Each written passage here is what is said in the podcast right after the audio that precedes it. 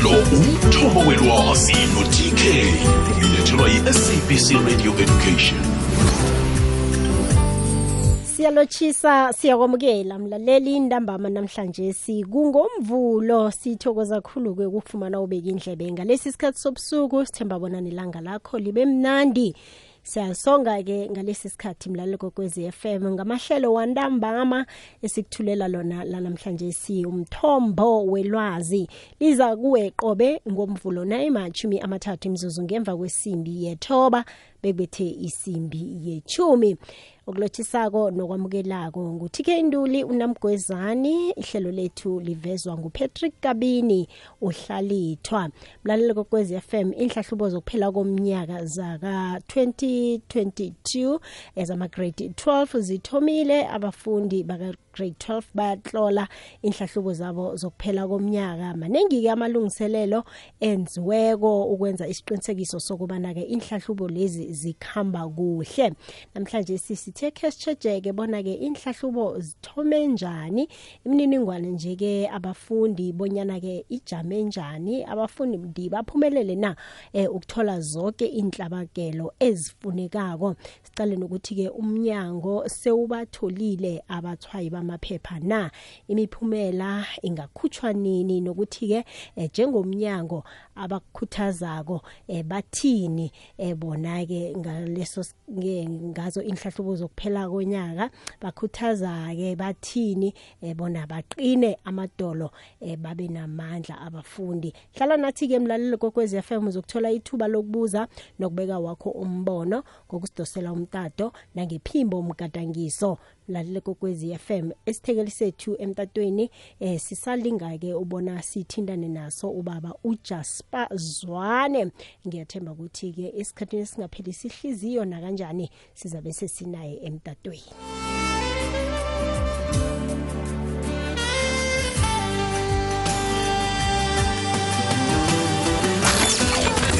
Ujd nolady b nabahlangeneko. Madiski divas bafika kuwe ngomgqibelo ngesimbi yesithathu bazithezile zemidlalo. Ingoma ezimnandi namaxoxo azokuthabisa.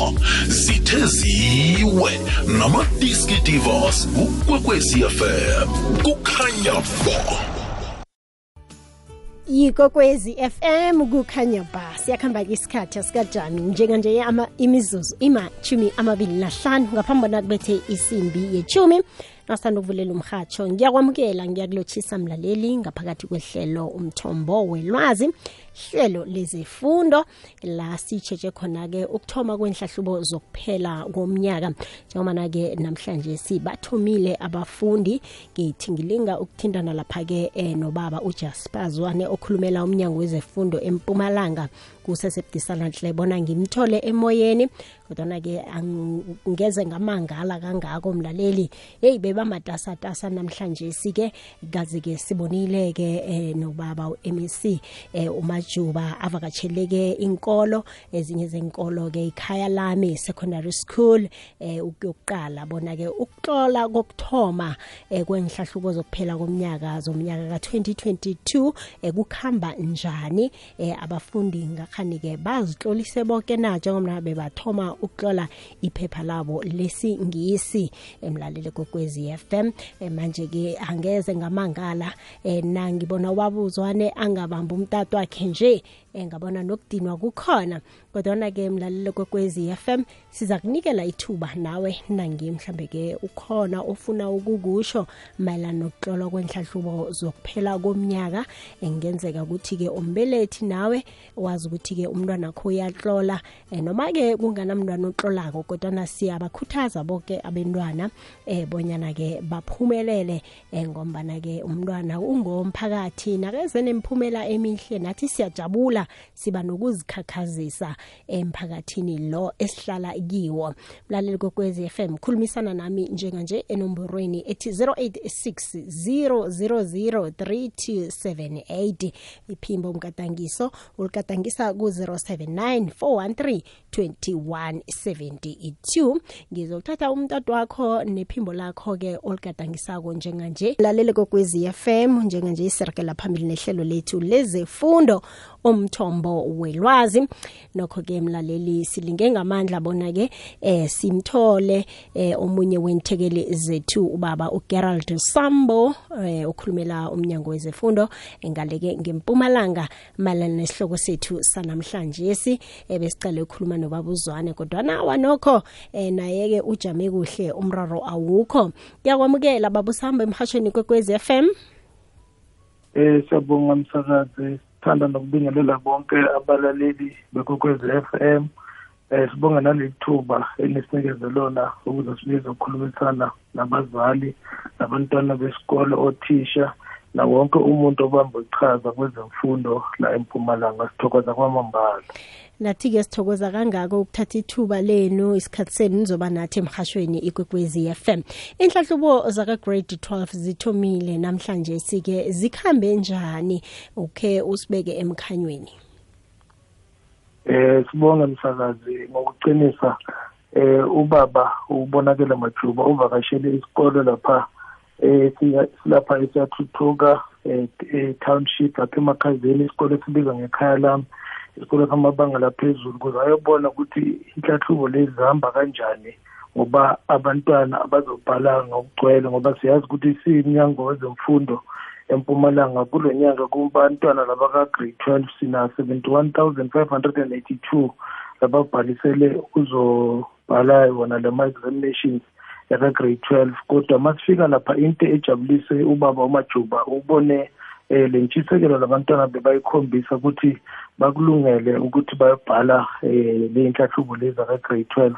And baphinde futhi bamthembisa labo majuba ukuthi bazosimisela kakhulu bafunde baphase bonke ngoba vele siyi-department inhloso esinayo leyo ukuthi abantwana bethu bonke la eprovinsini yasempumalanga baphase kuze bakhona ukuthi basijabulise bona baphinde bajabulise nabazali bajabulise nomphakathi ngoba singaba nabantwana abaziphatha kahle bafunde baphase emphakathini bakhona ukuthi bahambe bayofunda um badlulisele imfundo zabo phambili baphinde babuye futhi bakhona ukubuya baba abantwana abacontributayo lapha kule community. Baphinde bayenze ukuthi le community ithuthuke nayo ngokwayo ngoba abantu abaningi bazobe bakhona ukuthi abanye bavule amabhizinisi abanye basebenze bakhona ukwenza yonke into ekhona ukuze kuthuthukise lo mphakathi. Kodwa into ejabulise kakhulu eh kule hambeli zethu besihambele iy'kolo zonke la eprovinsini akukho obike ukuthi kukhona kungahambanga kahle and noma sibona lapha ukuthi nomama uye nje umtseha bekakhona lapha egauteng washo naye ukuthi no kwangathi konke kuhamba kahle. Into esiyitholayo ukuthi kwangathi vele live lonke la e-south africa kuhamba kahle kakhulu kodwa sithanda ukukhulumela kakhulu thina la empumalanga ngoba yila besihambele khona siphumile sisonke sibasebenzi baku-department of education empumalanga savakashela iy'kole ngokuhlukahlukana kwazo ukuze sikhone ukubona ukuthi kuyabhaleka yini kuhamba kahle. Into ejabulisa kakhulu ile positivity oyitholayo la ebantwaneni ngoba bonke bayasho ukuthi bafundile baphinde futhi bayajabula ngoba bayasho ukuthi i-support bayitholile kothisha wabo. I-support bayitholile futhi ku-SGB basebenzisana nesikolo ukuze bayenze ukuthi zonke izinto abazidingayo labantwana bayazithola ukuze bakhona ukuthi bafunde baphase. Kuyasijabulisa lokho kakhulu um msakazi. And siyathemba ukuthi ngokuya phambili kuzochubeka njalo eh kube nokuthula la emphakathini. Abazali malunga emphakathi basapote labantwana baphinde bayenze sure ukuthi yonke into abayidingayo ukuze bakhona ukuthi baphumelele kule ifundo zabo zakamatukuletsheni ngoba siyazi ukuthi lokufunda kwabo baceda ugrade twelve kuyobavulela iminyango eminingi ila kuqala khona impilo yabo ngoba bazokhona ukuthi bahambe boyofunda baphase babuye futhi bathuthukise ney'mpilo zabo njengoba sengisashilo emsakazi ubaba majuba unokusho ukuthi yonke into abantwana abayifisayo eh isikhiya sokuthi bakhona ukukuthola lokho ukuthi baphase ugrade 12 ngoba siyazi ukuthi le certificate aka grade 12 sikuvulela wonke amathuba akhona ukuthi uhambe uyofunda uhambe wenze yonke into odinga ukuyenza. Ngisho noma umuntu athi uphasile eh uphase i-PhD before bamnika le i-PhD yakhe bathi bafuna ukubona i-grade 12 certificate. So singayithatheli phansi le-grade 12 ukuphasa kwayo ngoba ibaluleke kakhulu empilweni zethu zonke. Kodwa siyacela ukuthi nakubantwana balalele uthisha balalele abazali bayeke yonke into engahambisani nezemfundo bafocuse kuyizemfundo ngoba yiloko okuzobanceda ukuthi bakhona ukuthi baphumelele ekugcineni. Mhm. Sizonithi inhlahlubo zanonyaka kuzoba ngezikulu emlandweni wokuhlola kwenhlahlubo biggest in the history of writing exam. Nicho ukuthini ngalokho babusambo? Eh inamba enkulu esikhetha abanayo kuyihistory yabantwana abakhe babhala egrade 12 eh la eprovinsini yethu yasempumalanga. Kodwa into ejabulisa kakhulu ukuthi nale support labantwana abayitholile kuyo i-department yinto enkulu kakhulu ngoba masibhekile kulabantwana bakulo grade 12 walonyaka ilaba baqale ukuthi babenefite kule ubuhle buzile i-learning project le esiyilontshile lapha nomama urifile umthweni upremier wethu wale mpumalanga uthi sibanike ama-tablet abantwana bakuma-quintal one to three schools ngoba ngithambi kune-covid la eprovinsini or i-south africa yonke emhlabeni wethu jikelele. Sibonile ukuthi abantwana kakhulu la bastruglisha kakhulu kakhulu ngokufunda.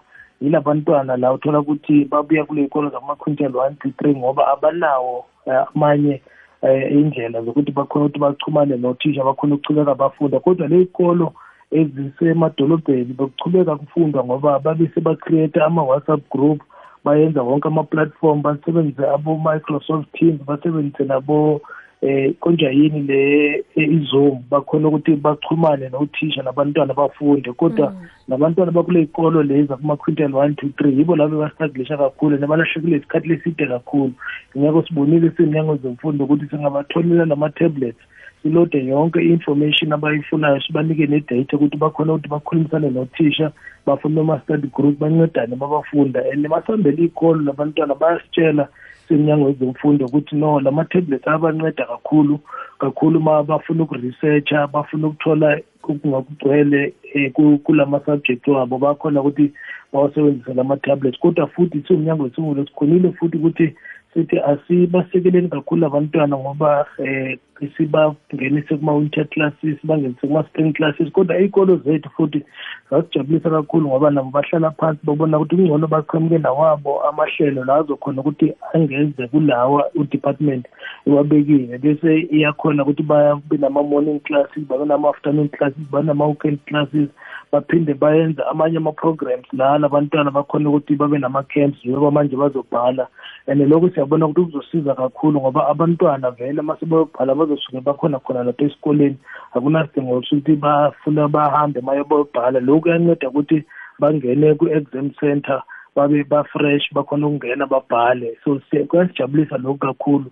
Nabo othisha bethu basinikeza ithemba kakhulu ngoba eh bayasitshela ngalendlela abakhonile ukusebenza ngayo nalabantwana. Baphinde futhi babuke nama-assessment alandlulile kulama eh, eh terms lasuka kuwo ukuthi labantwana basebenza njani.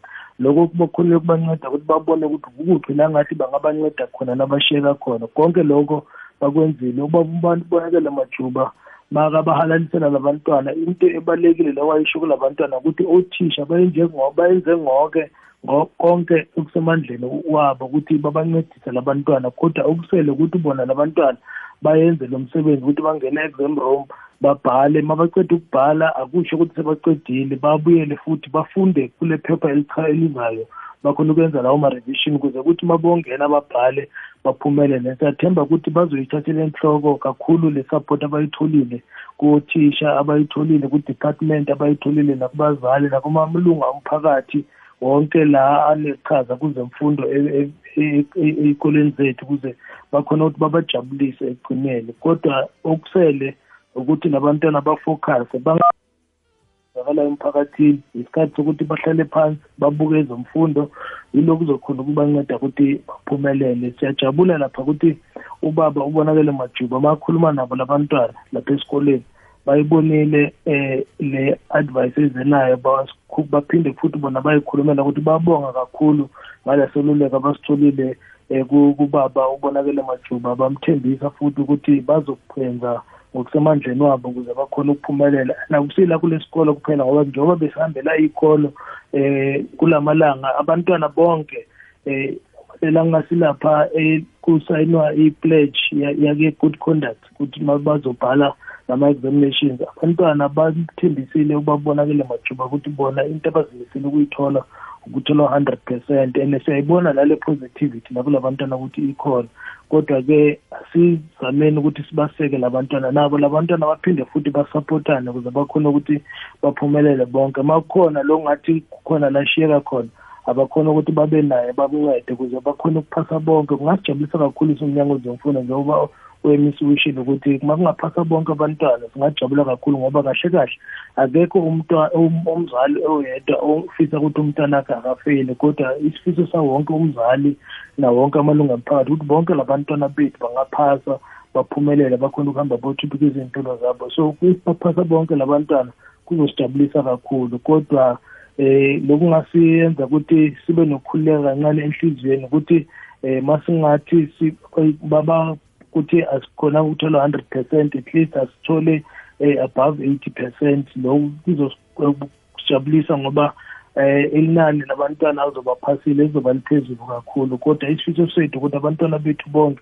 abaphase and into ezobanceda ukuthi baphase ukuthi balalele yonke imininingwane abayitholile kuthisha wabo ngoba sayozobhala ama-examinations. Baphinde futhi babe ne-discipline babe nokuzimisela bangayenzi izinto ezenza ukuthi bangakhona ukuthi baphumelele ekugcineni ngoba lokhu basiprepherela ilisasa labo lebalidala balifuna ukuba nalo.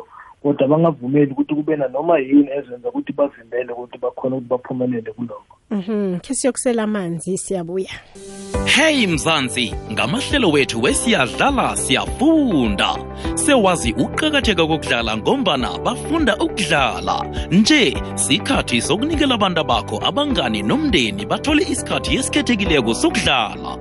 Sikhathi semzansi playdate sifuna ukwenza isikhathi sokudlala kwaphela. Sikhathi sokubana abantwana beminyaka yonke emindenini bathabele ukudlala ndawonye. Imzansi playdate izokuba senyangeni kasewula nekasinye ikhaba begodu uzokuba nethuba lokuhlanganyela nathi emalangeni wokudlala akhethekileko azokwenzeka endaweni eziningi enarheni yekhethwapha. Thola ilwazi elizeleko emakhasini wethu enkundleni zokuthindana ku-at siyadlala siyafunda. Yimzansi playdate ungaphundwa lithuba lokunikela umntwanakho ithuba lokubuyisela ukufunda esigeni lalela ihlelo lethu isiyadlala siyafunda. Qobe ngelesithathu kusukela lokha nayisiqundu ngemva kweyethoba ekuseni lapho ungathola ilwazi ngemidlalo ehlukeneko ongayidlala nomntwanakho. Uze ukuthi ungazibandakanya njani kumzansi playdate siyadlala siyafunda.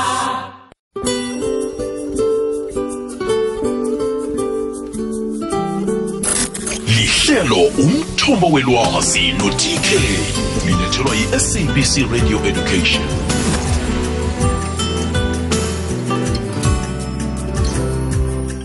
mhlawumbe nje kwaphela imizuzu eseleko ngaphambi bona silisonge ihlelo lethu. Ngesimbi yelithumi siyalisonga mlaleli. Emva kwalokho umindlo lavo ragela phambili nehlelo sizigedlile bekubethe isimbi yechumi nambili.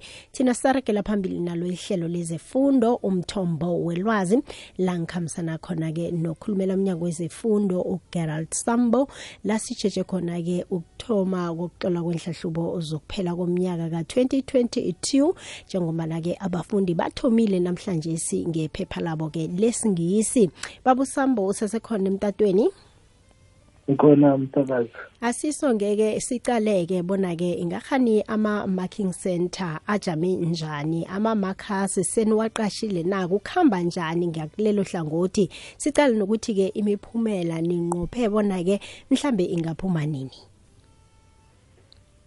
Eh sibonge msakazi into esingathanda ukuyisho siyimnyango wezemfundo ukuthi eh konke bekumele sikwenze singumnyango wezemfundo sikwenzile ukuze sikhona ukuthi la loluhlolo eh lalama grade 12 examinations alonyaka ka-2022 ahambe kahle. Njengoba sazi ukuthi eh kule minyaka eyi-12 edlule siyi-department ikhonile ukuthi sihambise kahle nokubhala kwalolu hlolo. Nisinethemba ukuthi sazochubeka eh kube njalo ngoba konke bekumele sikwenze sikwenzile.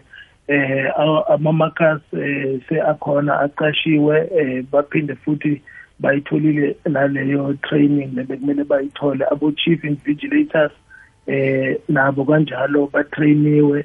Wonke umuntu oneqhaza kweze kwalokuhambisa kwalolu hlolo eh, i-department ikwenze kusesenesikhathi ukuthi iba- ibatrain bakhona ukwazi ukuthi yini ekumele bakwenze ukuze bakhona ukuthi bahambise kahle ngalolu hlolo. And nalokuprinta um kwalama-question papers kwenzike ngesikhathi ukuze ukuthi sigweme ukuthi mase kumele kuyobhala kube ne-challenge ukuthi abantwana iphepha banalo. Kodwa somnyango wezemfundo sikhona ukuhambisa kahle lokubhala kwalelo kwalolu hlolo ngoba nala kubekwa khona nama-question papers eh le-security yakhona i-tight kakhulu eh i think e- e-south africa yonkana impumalanga isahamba phambili ngokwenza sure ukuthi amaphepha lawa kamatukuletsheni ahlala khona ahlala endaweni le-safe kakhulu.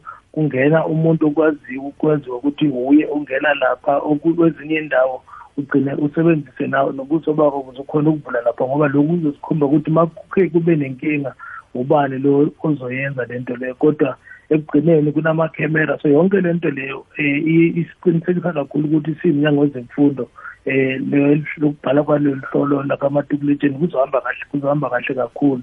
And eh, ama eh, employees la aqashiwe la ku-department lama-officials la sihambisela eh, loku- lokubhala kwalolu hlolo nabo futhi aqeqesheke ngaloku phezulu kakhulu and bayazi ukuthi yini ekufuneka ukuthi bakwenze ukuze konke kuhambe kahle. Okusele kakhulu eh njengoba u-anisa ashilo ukuthi kusele ukuthi labantwana bona kube yibo la ukuthi bafake kakhulu le knowledge le bayitholile kuthisha wabo kusukela kuqala unyaka kuze kufike namanje ngoba yiko lokhu kuzoyenza ukuthi bakhone ukuphumelela. Bayazi laba ngoba othisha babakhombile ukuthi mababhala lama-assessment kuphi la kumele um balungise khona kakhulu ukuze bakhona ukuthi bakulungele ngokugcwele ukuyobhala olona sinokuthemba kakhulu ukuthi abantwana bethu bala empumalanga bazophumelela kakhulu bazochubeka bafunde ngokuzikhandla balalele bazali balalele othisha eh baphinde futhi la bangakhona ukuthi eh bavisise khona bababhizi bafunda bakhona ukuthi baye kuthisha wabo bayocela ukuthi babasize othisha bahlala bakhona bakulu- baku- bakulungele ukuthi bakhona ukuthi babasize labantwana kodwa siyacela nasemphakathini ukuthi eh lolu kubhala kwalolu hlolo lakwamatukuletsheni akube kule kuhamba kahle umphakathi ukhona ukusekela usekele nabantwana wenze sho ukuthi ayikho into ekuthikabeza nabantwana ukuthi bahambe bobhala ngoba lapha balungiselela olukusasa labo. Ne- njengoba sibonile lapha khona emphakathini eminingi bakhona ukuthi babaseke labantwana futhi bakho ukuthi bakuhlonipha nokubhala kwalolu hlolo. Ilokusijabulisa kakhulu nesinethemba ukuthi yonke into izohamba kahle kuze kuyophela lolu hlolo lakumatukuletsheni aha-ke babusambo inomboro lapho bangathinta khona nabafuna ukubuza kabanzi kilokhu esikhulume ngakho namhlanje sike bangakuthinta kuphi? Eh bangafonela lapha kumnyango wezemfundo ku-zero one three eh full six eh five three one eight eh, ngama-office hours. kusukela um ngo-quarter to eight kuze kuyofikela quarter past four ntambama. Bangafonela mm. nenombolo esimahla idepartment lethi zero eight hundred eh, two zero three double one six zero eight hundred two zero three double one six. Kodwa kumele bafone between quarter to eight eh, eh na-quarter past four. Ila eh, kutholakala khona ama-officials azokhona ukuthi abancede labantwana abakhona abakudingayo kuze bakhona ukuthi bancedeke kakhulu. Kodwa eh bangakhona futhi ukuthi bachumane nothisha wabo esikoleni nabo-principal bakhona ukuthi bachumane nama-secret office ama-secret office akhona ukuthi adlulise lo mlayezo kuze ufike kithi sikhona ukuthi sibancede ngalokufanele. Ke kubaluleke kakhulu ukuthi makukhona abafuna ukuthi bakuvisise bakhona ukuthi bakulungise baye kakhulu ko- kothisha nabo-principal ey'koleni zabo ngoba yibo bakhona ukuthi baxhumane nathi ngendlela lefanele bakhona ukuthi bancedakale um ngokugcwele. Kodwa futhi nabo abo-principal bey'kole njengabo-chief invigilators um baceceshiwe kakhulu ukuthi bakhona ukwazi ukuthi ukuhambisa kwe- kwe- kwalolu hlolo kumele kuhambe njani yini ekumele kwenzeke. So bonke abantwana abadinga ukwazi ngokubhala kulama-examinations laka-grade twelve akulo nyaka. U-principal nabothisha baceceshiwe bayazi ukuthi kumele babancede njani abantwana kodwa kudinga ukuthi bona labantwana baye basondelane nabo bakhona ukuthi babasize ngandlela efanele ngoba bahlala bakulungele nele training abayitholile yiyo izokhona ukuthi ibaningelo elikhona lokuthi ba-assiste labantwana kodwa umnyango wezefundo zonke iy'kole zidinga uncedo zikhona kunama-circuit nama-district sikhona futhi nathi nase-head office. asisale sesiyibamba lapho-ke babusambo isikhathi sethu ngisesalako. Sithokoze ilwazi osinikele lona ehlelweni lethu mthombo welwazi. Siyathokoza kwamambala lethu besibe nalo ukuthi sibe zokhulumisana nabalaleli bekwekwezi f m. Sinabe benobusuku obuhle. Ahake sithokoze nani nibe nobusuku obuhle. Mlaleli kokwezi FM besikhulumisana naye ngubaba ugerald Sambo okhulumela umnyango wezifundo ngempumalanga. Bekade sicale lapha ke indaba yokuthoma kokuxolwa kwenhlahlubo zokuphela komnyaka zabafundi bomnyaka lo ka2022 siyithokoze khulu kwamambala kubeka kwakho indlebe emlaleli kokwezi FM ngiyachida ke njenganje ngishidela umindlo love nehlelo sizigedlile bekubethe isimbi yechumi nambili. Hlala ubeka indlebe ukuphathele okuningi. Mina uthokozana indulu namgwezani ngikhambile